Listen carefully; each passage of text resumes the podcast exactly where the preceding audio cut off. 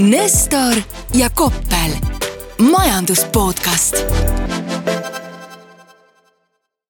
tere taas kuulama SEB majandus podcasti, võib-olla isegi ka vaatama SEB majandus podcasti. mina olen Peeter Koppel ja ma olen Redgate Wealthi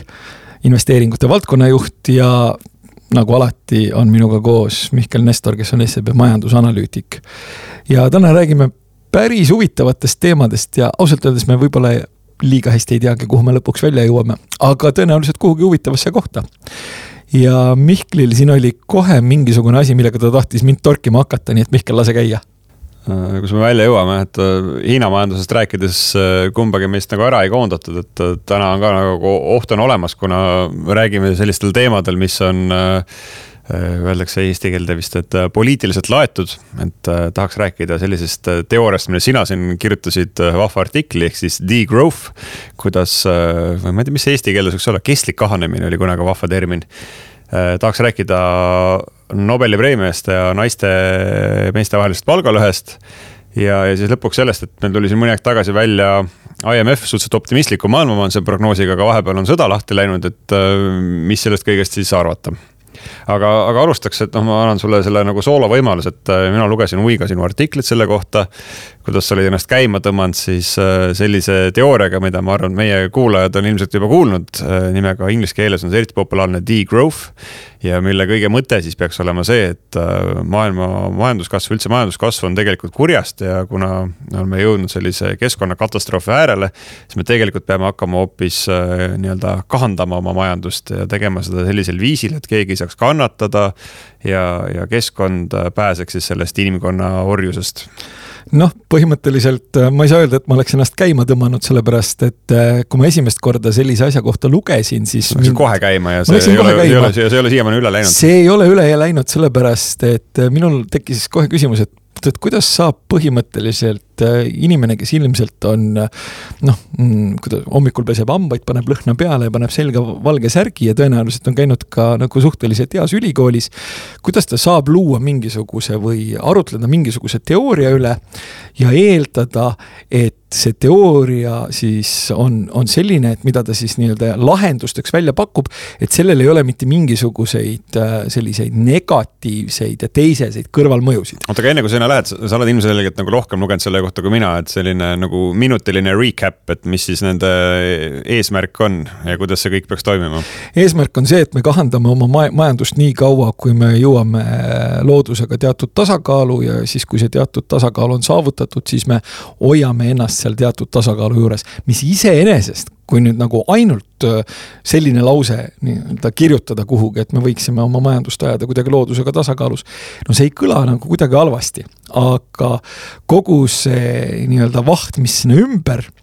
tekitatakse, see juba kõlab natukene, natukene halvasti. ja ta kõlab halvasti just nimelt sellepärast, et sinna ei räägita juurde, mida see tegelikult tähendab. oota, aga millal sa see ikkagi, kohe mõõdetavad eesmärgid on minu jaoks olulised, et äh, millal siis emake maa ise teatab, et ta on nüüd, nüüd on hästi, et äh, oleme jõudnud äh, nulli? vaata, see on täpselt see koht, kuhu tegelikult see teooria omadega jõudnud ei ole. ehk siis see, mis loodusega tasakaal tähendab, seda ei ole defineeritud, kas sa ja, ja noh, üldiselt minu meelest on küll eesmärke, mida nagu otseselt ei defineerita. Neid tavaliselt nimetatakse ideoloogilisteks või poliitilisteks eesmärkideks, et noh, suhteliselt nagu definitsiooni ei ole, aga sinna suunas peame ajama panema küll ja degrowth on ilmselgelt üks sellistest ma arvan, et see võib saada siin mõneks uueks, mõneks poliitilise partei majanduspoliitikas ka ühel päeval, kui see asi niimoodi edasi läheb, aga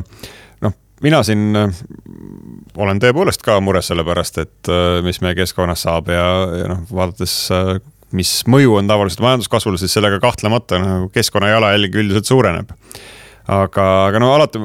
tuleb vaadata nagu seda teist poolt minu jaoks ka, et ma siin mõned aastad tagasi kirjutasin, ma läksin, mina läksin ka käima, et kui see oli mingi sihuke jõuluaeg, üsna sarnane praegusele juba nagu jõulud meil käes, eks.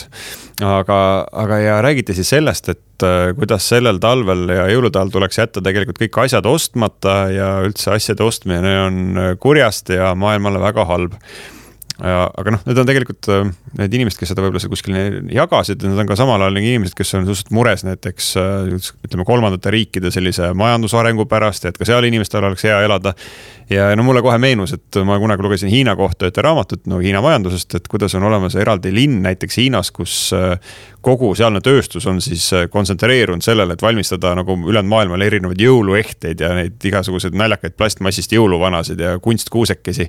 ja noh, kui me jätaksime nüüd oma jõuluasjad ostmata, siis selles väikses Hiina linnakeses tõenäoliselt elu läheks äh, väga ruttu väga kehvaks ja, ja ma jällegi mõeldes sellele samale seltskonnale, kes nagu neid asju jagas. noh, nad oleks esimesed, kes läheks sinna ütlema, et appi, vaadake, et on ju vaesed hiinlased siin äh, nälgivad ja me peame midagi ette võtma, kuskilt rikkust ümber jagama neile.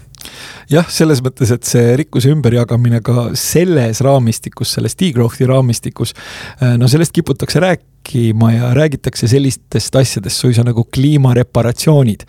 ehk siis äh, rikkad lääneriigid peaksid siis vaesematele riikidele maksma selle eest, et nad põhimõtteliselt kliimat äh, rohkem rikuvad ja siis äh, toimuks selline üldine nagu tasandumine, et see oleks nagu kuidagi õige, õilis ja õiglane minul tekib sellega muidugi selline noh, ütleme sellised kaks küsimust, üks küsimus on selline tehnilist-praktiline ja teine võib-olla tuleneb rohkem sellisest äh, isiklikust, võib-olla maailmavaatelisest. et esimene küsimus on selles, et meil on siin olnud nagu suhteliselt kõrge inflatsioon. meil on suhteliselt kõrged energiahinnad, meil on suhteliselt kõrged toiduhinnad, meil on suhteliselt kõrged Äh,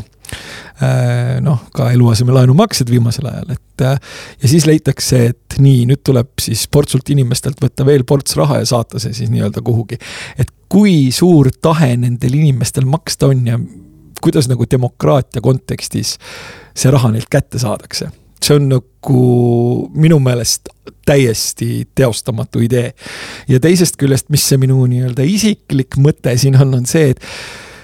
noh, see tähendab jällegi seda, et, et, et kogu see ka degrowth ja, ja, ja rohelisus ja kõik, kõik, kõik, et see nõuab siis igasugust nii-öelda täiendavat maksustamist kohutaval kombel. et võtta hirmsamal kombel arvesse absoluutselt kogu kahju, mis nagu loodusele teostat- te,, te, tehakse. see on jällegi nagu tehniliselt arusaadav see on arusaadav ja ma, mina ka täiesti leian, et kui mingi äh,, mingisuguse ressursi kasutus hävitab mingisuguses kontekstis loodust, et noh, kuidagi tuleb selle eest nagu maksta. aga nüüd tekib küsimus, et mismoodi, see on jällegi siis nii-öelda maksustamine ja kui me siis nii-öelda sellise täiendava maksustamisega anname jälle liiga palju võimu nendele inimestele, nendele samadele inimestele, kes tegelikult on päris mitmed riigid suutnud nagu maksejõuetuks laenata.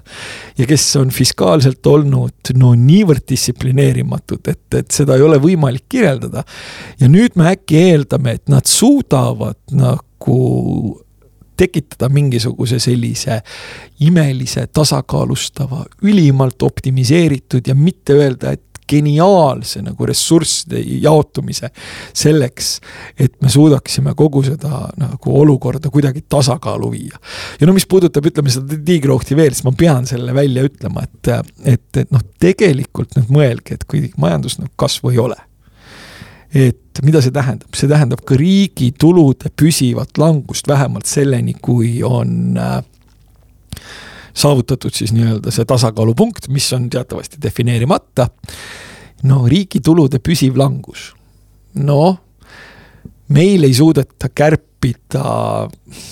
eriti midagi, sellepärast et öeldakse, et ühiskond kukub kokku kohe kukub kokku, nii. kui nüüd hakatakse püsivalt midagi kärpima kuni selle niinimetatud tasakaalupunktini, siis arvake ära, kui pahaseks inimesed võivad saada. ja kui ka hakatakse kärpima vägisi vananeva rahvastiku kontekstis, kus teatavasti kulud pensionitele ja, ja, ja tervishoiule muudkui kasvavad, siis noh, mis me siis teeme, ütleme, et sorry, vanaema, sa oled juba kuuskümmend seitse, rohkem meditsiinilist abi ei saa, sellepärast et meil on degrowth see on. vanaema on keskkonnale kahjulik. see on sügavalt ebainimlik lähenemine ja degrowther'id põhimõtteliselt, nad võiksid olla natukene ausamad. Nad võiksid käia selle oma degrowth äh, raamistiku välja ja siis nad võiksid sinna kõrvale panna ka selle, et milliste parameetrite alusel otsustatakse, millised inimesed peavad lihtsalt ära surema see kõik on, ma üritasin nagu lugeda, ma teadsin, et noh, kui ma nüüd oleks stuudiosse kutsunud mingisuguse degrowth apologeedi, ma saaks tõenäoliselt selles väitluses pähe, et siis ma vaatasin natuke nagu neid, äh, nende argumente, et see kõik on väga hästi planeeritud, kuidas see juhtuma hakkab, et noh, minu jaoks sihukese lihtsa majandusinimese jaoks on. kui ma mõtlen sellele, et midagi hakkab kahanema, et noh, ma ostan iga kuu natukene vähem, mingid asjad jätan ostmata, et see tähendab seda, et iga kuu hakkab kuskil keegi nagu üle jääma, sest et tema teeneid ja töid ei vajata aga sellele on neil lahendus olemas, et äh, väga targalt planeeritult käib kogu see protsess ja lihtsalt siis kuskilt äh, X taskust võetakse üks summa raha ja antakse siis selle nii-öelda universaalse baassissetuleku nendele inimestele, kes siis selle protsessi käigus üle jäävad just, just, et ja siit me jõuame, jõuame nagu selle äh, lisaks sellele, et see on ikkagi tege, tegelikult inimvaenulik. jõuame me väga olulise sõnani, mida sa nagu päris mitu korda kasutad, see on väga targalt planeeritud. noh, üks selline tore riik, äh, Nõukogude Liit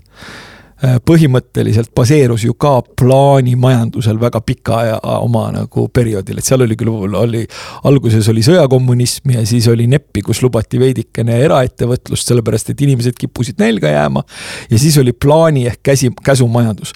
no ei ole sellist asja, et oleks võimalik plaanida, plaanida arvavad inimesed, kelle, kellel nagu intellektuaalne arrogants lööb lihtsalt pea peal kokku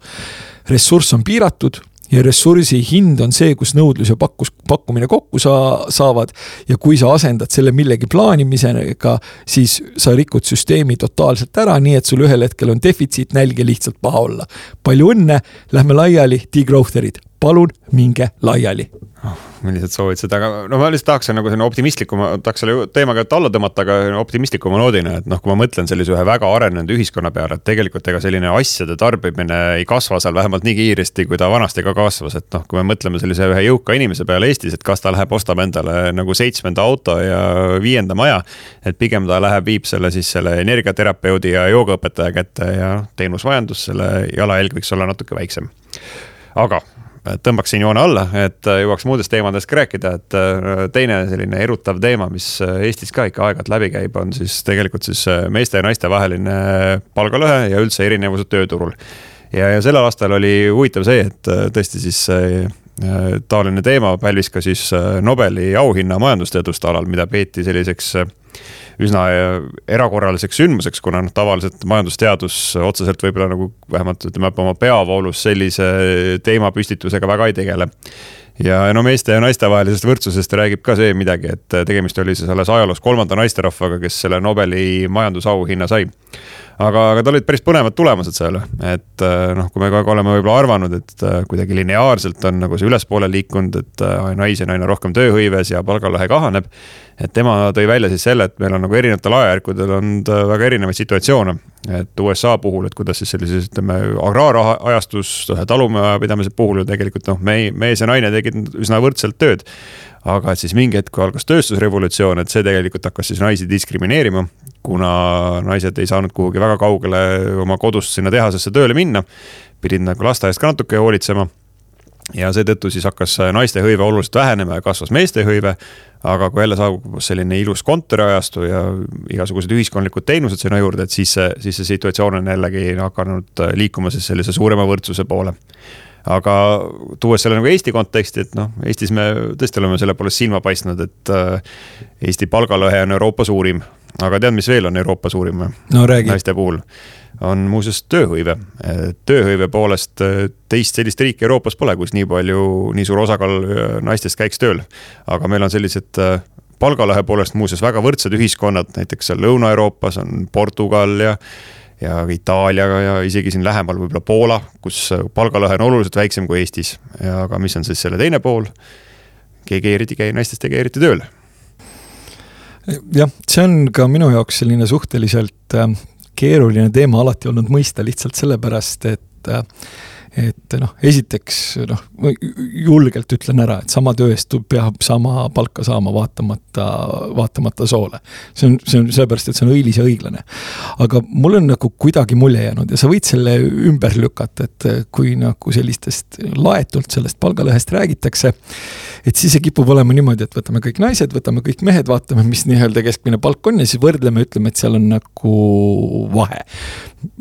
sees. minu meelest see on nagu natukene õunte ja apelsiniide võrdlemine, sellepärast et no ma toon sellise näite. et äh, noh, kõik sellised kohad, kus on vaja nii-öelda ronida kuhugi kõrgele, kus võib olla kõrge pinge. kõik sellised kohad, kus on vaja sukelduda kuhugi sellise, sellisesse kohta, kus on äh, limasolk ja, ja, ja pime. kõik sellised kohad, kus võib surma saada lihtsalt äh, tööülesannete täitmisel või ütleme, et on selle, selle jaoks nagu kõrge risk. et üldiselt need töökohad kipuvad olema täidetud äh, meestega ja minu meelest kusjuures täiesti õigustatult ehk siis, ja need töökohad üldiselt maksavad ka natukene kõrgemat palka võib-olla kohati palju kõrgemat palka. mina nimetaksin seda, et see on riskipreemia, see siis nii-öelda riskipreemia kompenseerib seda täiendavat riski, mis võetakse. ja sellised aspektid äh, no ei ole nagu selles diskussioonis minu meelest nagu väga tihti äh, välja tulnud. no mul on ka mulje, et äh, noh, jällegi ma ei taha jätta nagu valet muljet, et ma arvan, et Eestis ei ole mingit soopõhist diskrimineerimist tööturul, et see on kindlasti olemas. Aga selles võib-olla kommunikatsioonis, mis välja liigub, tundub see, et justkui nagu ainus põhjus, miks meil on meeste ja naiste palkade vahel selline erinevus, et tegelikkuses neid põhjuseid on ju väga palju rohkem. ja noh, päeva lõpuks nagu, kas keegi on nagu küsinud näiteks naiste käest, et kas te kõik tahate teha täpselt samasugust tööd, täpselt samamoodi nagu mehed. ma arvaks, et see vastus on nagu ei, et igas sellises normaalses vabas ühiskonnas minu meelest inimesel võiks olla nagu ise vabadus valida, et mida ta tahab õppida, kus ta tahab tööd teha ja see ei pea olema alati nagu võrdne, et loomulikult, et need võimalused peavad olema nagu võrdsed, aga, aga täna noh, hästi nagu populaarne ja vist isegi nagu nii-öelda teaduslikult põhjendatud, öeldakse, et on see, et peab ikkagi olema teatud kvoodid, et näiteks ettevõtete juhtkondadesse valitakse siis äh, pooled naised. noh, kui ma nagu ise, olles, olles mees, on hästi hea panna ennast muidugi naise kingadesse, et ma juba tean, et kui palju armastust ma selle eest saan kuskil äh, Virginia Woolfi kommuunis aga noh, et kas ma tahaksin olla positiivselt diskrimineeritud, et ma, et ma saan midagi sellepärast, et äh, kuskil oli mingisugune kvoot, et no ma ei tea, isiklik mure, aga väga ei tahaks, et äh, tahaks nagu olla päriselt valitud. ja kui ma vaatan siin SEB Panka näiteks, minu tööandja, meil juhatuses täiesti on olemas vägagi targad naisterahvad, kes on sinna saabunud täiesti oma võimete alusel, et ei ole pidanud keegi ühtegi kvooti selleks kehtestama. no kvoodid on jah, natukene keeruline teema, sellepärast, aga vaata, kui sina proovisid panna ennast äh, naiste kingadesse ja siis noh, ma, ma, ma ei soovita, sellepärast et me, mehed nendes käies näevad välja suhteliselt koomilised. aga mina olen olnud äh, abielus sellise suhteliselt tubli naisterahvaga ja tema oli selline, kes äh, noh, ta ikkagi, ma arvan, et ta, tema kognitiivne võimekus ja töövõimekus oli niimoodi kuskil kolm ja pool meesterahvast. ja kui temale kuskil öeldi, et naisterahvad peaks kuskile saama mingisuguse kvoodiga, siis ta muutus suhteliselt kurjaks ja oli valmis argumenteerima selle väite nagu seina külge kinni, lihtsalt sellepärast, et noh täpselt see, mida sa kirjeldasid, tema jaoks ei olnud mugav mõelda see, see ei olnud mugav mõte, et ta saab midagi kvoodiga, vaid ta tahtis saada seda sellepärast, et ta on lihtsalt nii palju tegijam kui mingisugune lohmees. Äh, no vot, ma ikkagi, ma kardan, et me saame õudselt pahandada pärast seda saadet, aga, aga noh, mis siin veel nagu sellest, ütleme sellest Nobeli laureaadi, selle Claudia Goldini äh,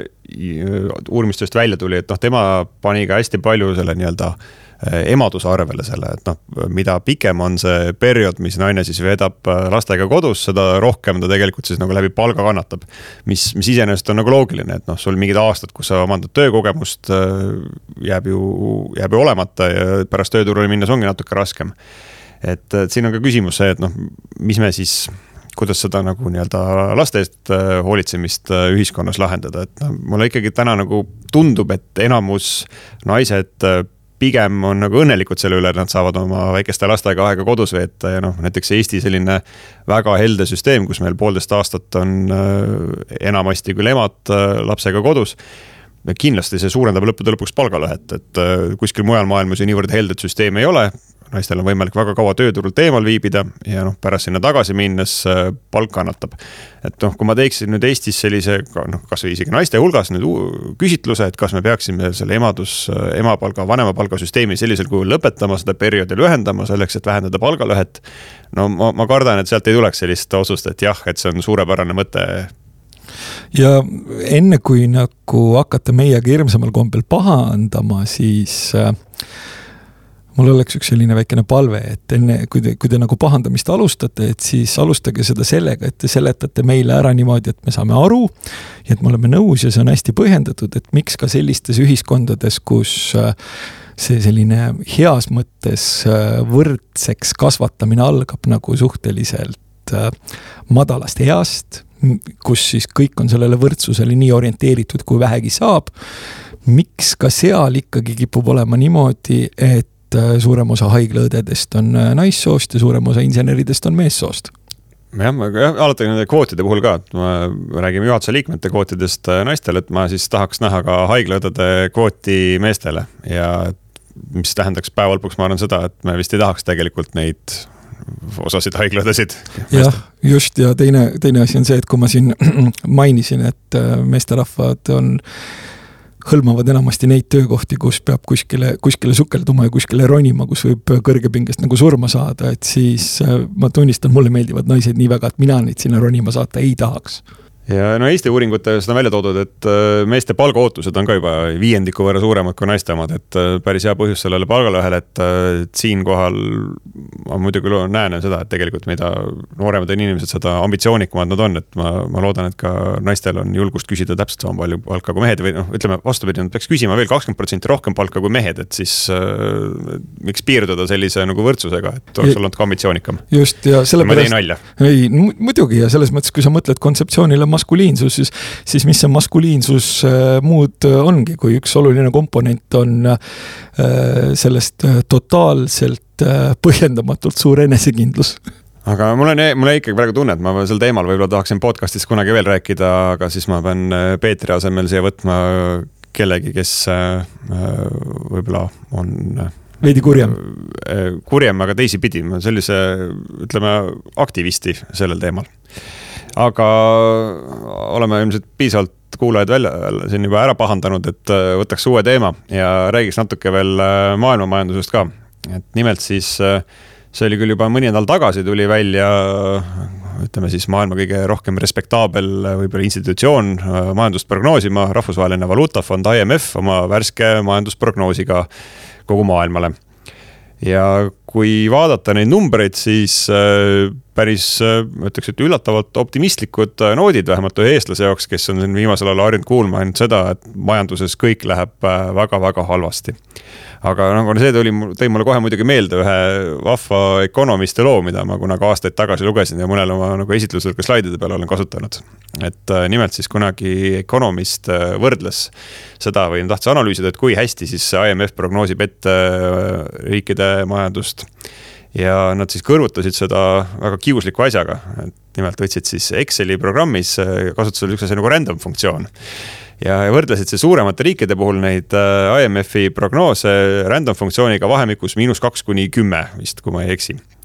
Ja no mis sa arvad, kuidas siis, äh, kuidas, kuidas on tulemused, et kumb ennustab paremini majandust, kas IMF või Exceli random funktsioon? ilmselgelt Exceli random funktsioon no selles mõttes äh, see on pooltõde, et äh, nimelt äh, majanduskasvu ennustab ikkagi IMF oluliselt paremini ette. aga kus siis IMF-i väga suurde hätta on siis järgmise aasta majanduslanguse ette ennustamisel. et seda nad pole suutnud teha vist mitte kunagi, vähemalt tollal, kui see Economist artikkel ilmus. aga küll siis kaheksateist protsenti juhtudes suutis random funktsioon selle paika panna, et on järgmine aasta siis majanduslangus ees ootamas. ja see on ka midagi sellist, mis mulle kuidagi jäi kumisema, kui ma seda IMF-i prognoosi lugesin. aga sellest numbritest nagu, sa tahtsid täiendada? ei, ma tahtsin lihtsalt täiendada seda, et, et mul on äh, äh, ilmselt äh, tekkinud mingisugune väikene probleem, kui ma mõtlen mingisugusele sellisele suurele rahvusvahelisele institutsioonile, siis äh, mulle kangesti meeldib, ma tean, et see jällegi pahandab absoluutselt äh, mingisugust seltskonda inimesi. Mulle hirmsamal kombel meeldib Nassim Talebi selline lähenemine, et üldiselt need, kellel on nagu oma nahk mängus, väga selgelt Äh, noh, nad on motiveeritumad tegema paremaid prognoose. ja kui ma mõtlen sellisele suurele, toredale mm, rahvusvahelisele organisatsioonile, siis no nendel prognoosijatel, no kui palju neil seda oma nahka mängus on. ehk siis alati, kui ma vaatan mingisuguse sellise Maailmapanga või IMF-i mingi sellise tegelase prognoosi, ma ikka vaataksin mingisuguse sellise suure võib-olla kommertspanga oma sinna kõrvale või, või siis isegi mõne sõltumatu analüüsi äh, butiigi oma. ja siis kujundaks oma nägemuse, et ma nagu enam ei taha sellist äh, äh viga teha, mida ma võib-olla nooruses paar korda tegin, et ärkasin hommikul üles, keerasin CNBC lahti, vaatasin IMF nii ütles, järelikult nii on. no ei ole no mina teen seda viga ikka kogu aeg, aga jah, tõepoolest, et sa ütlesid, et kommertspangad on kuidagi skeptilisemad, et äh, kui ma võrdlesin siis seda IMF-i viimast prognoosi SEB viimaste numbritega, mis veel olid kokku pandud augustikuus, kui päike paistis, inimestel oli parem tuju siin veel äh, siis toona me näiteks ennustasime euroalale järgmiseks aastaks null koma kaheksa protsenti majanduskasvu IMF pakub üks koma kaks, USA-le ennustasime null koma üheksa, IMF pakub äh, lausa üks ja pool. ja, ja noh, selles mõttes ega IMF ei ole siin üksi võib-olla selles süüdi, et tegelikult kui ma, Peeterile, sulle meeldib nagu eristada alati, aga kui ma vaatan seda, ütleme, analüütikute konsensust kellel nagu tavaliselt seal konsensusel ikkagi enamus kordadest äh, läheb nagu täppi ka. siis see konsensus on, et tegelikult järgmine aasta majanduses üllatav-üllatav äh, ei ole nagu midagi nüüd katastroofilist, et jah, me ei saavuta mingisugust meeletut majanduskasvu kuskil. aga ei saabu ka viimne päev, et tegelikult majandused kasvavad edasi ja, ja mitte midagi väga hullu sellest ei juhtu, et meil intressimäärad niivõrd kõrgel on kusjuures jah, sellega võib isegi tinglikult nõustuda, aga ilmselgelt see prognoos tehti enne seda, kui Lähis-Idas jälle kuumaks läks. ja kui me nüüd mõtleme sellele, et mida võib kaasa tuua veidikene kuumem olukord Lähis-Idas, mis on ka noh, inimlikul tasandil traagiline, halb ja kõik, kõike seda, mida annab välja mõelda, siis see mõjutab väga selgelt ühte erakordselt olulist muutujat ja see mõjutab nafta hinda ja kui nafta hind läheb veidikene liiga kõrgeks, siis ei ole no ütleme, selline madala tõenäosusega surutis enam ühel hetkel madala tõenäosusega surutis, vaid ta on kõrgema tõenäosusega surutis. energiahinnad suudavad tegelikult majandused surutisse lükata küll. ja kui nüüd mõelda sellele prognoosile, et euroalal võiks suisa kasv olla üks koma kaks järgmisel aastal, siis no mina ei tea, kus nad selle välja on pigistanud, sellepärast et kui ma mõtlen sellele, et Saksamaal nüüd nagu nii hästi ei lähe äh, võib-olla natukene paremini läheb üllataval kombel või tegelikult mitte nii üllataval, nad on ennast nagu päris korralikult kätte võtnud, läheb, läheb Lõuna-Euroopal. et kust see kasv nüüd nii hirmsasti ka välja tuleks, võib-olla no,. võib-olla sõjatööstus. nojah, aga igal juhul minu väide on see, et, et, et, et, et nafta hind on see selline äh, problemaatiline koht ja see sõja puhkemine on tegelikult äh, genereerinud süsteemi täiendavalt volatiilsust äh, tegelikult igale poole täiendavat ebakindlust, mis kunagi ei ole majanduses tore asi ja selle kõige kriitilisem komponent on nafta hind. noh, kolmekohaline nafta hind ei ole eriti kellelegi just väga meeldiv minu meelest no välja arvatud no,, on... jah, välja arvatud neile muidugi, kes energiasektorisse investeerivad. ajalooliselt on vist välja toodud, et äh, seitsekümmend kolm aasta ja see Yom Kippuri äh, sõda, kus siis äh, tegelikult noh, mis tuli natuke maailma jaoks šokina ja kus nafta hind tõesti sööstiski ülesse ja, ja põhjustas päris pikalt sellist ütleme, kehva aega maailma majanduses. aga no ega mis, mis siin praegu saab, et äh, peaksime mingisuguse poliitikavaatleja siia kutsuma sellest rääkima, et äh, täna nagu tundub mulle küll kõik stsenaariumid seal võimalikud. et kõva diplomaatia käib, et siin teised Araabia ja moslemiriigid hoiaksid ennast tagasi aga, aga noh, samas kui sa vaatad seda uudisvoogu seal, et noh, tegelikult seal nagu, nagu meil selliste sündmuste puhul tavaks, et äh, faktid ei loe mitte midagi, et noh, kuskil Gazas seal Hamas ütleb, et äh, Iisrael lasi meil siin haigla õhku ja viissada inimest said surma, et noh, kas nad seda päriselt ka tegid või mitte, see ei loe mitte kellegi jaoks mitte midagi, sest et äh, kõik äh, tõuseusklikud moslemid teavad, et nüüd tuleb Iisraeli riik hävitada. ja, ja kuigi ütleme, need araabia riigid seal just äh, erilise demokraatia poolest silma ei paista, siis rahva arvamus läheb ka seal valitsejatele korda, et kui on ikka tõesti selline populaarne viha siis peavad nemad ka ikkagi noh, vähemalt retoorikas olema üsna karmid äh, Iisraeli vastu ja, ja võib-olla ei välista seal, et seal mõni ka vaatab läbi sõrmede sellele, et mis nende seal piirialadel toimub ja kui palju rakette siis ka nende enda riigist äh, sinna Iisraeli poole lendab jah, ja noh, turgude inimestega on ju niimoodi, et sa ju tead, mis juhtub siis, kui turgude inimene ei tea, millest ta siis rääkima hakkab. ta hakkab rääkima tehnilisest analüüsist ja tehniline analüüs põhineb minevikul. ja kui äh, minevikku ekstrapoleerida, siis on äh, mitte, mitte, mitte midagi ei ole parata, on suhteliselt ilmselge, kes ka seekord sellest konfliktist võitjana väljub aga, aga noh, tulles tagasi selle suure üldpildi juurde järgmisel aastal maailma majanduses, et kuidas sa siis ennast äh, siin, mis leeri sa paned, et kas sa oled täna pigem kaasas selle peavooluga, kes ütleb, et meil tegelikult pole hullu väga midagi ja saabub sellise ütleme, kesise majanduskasvuga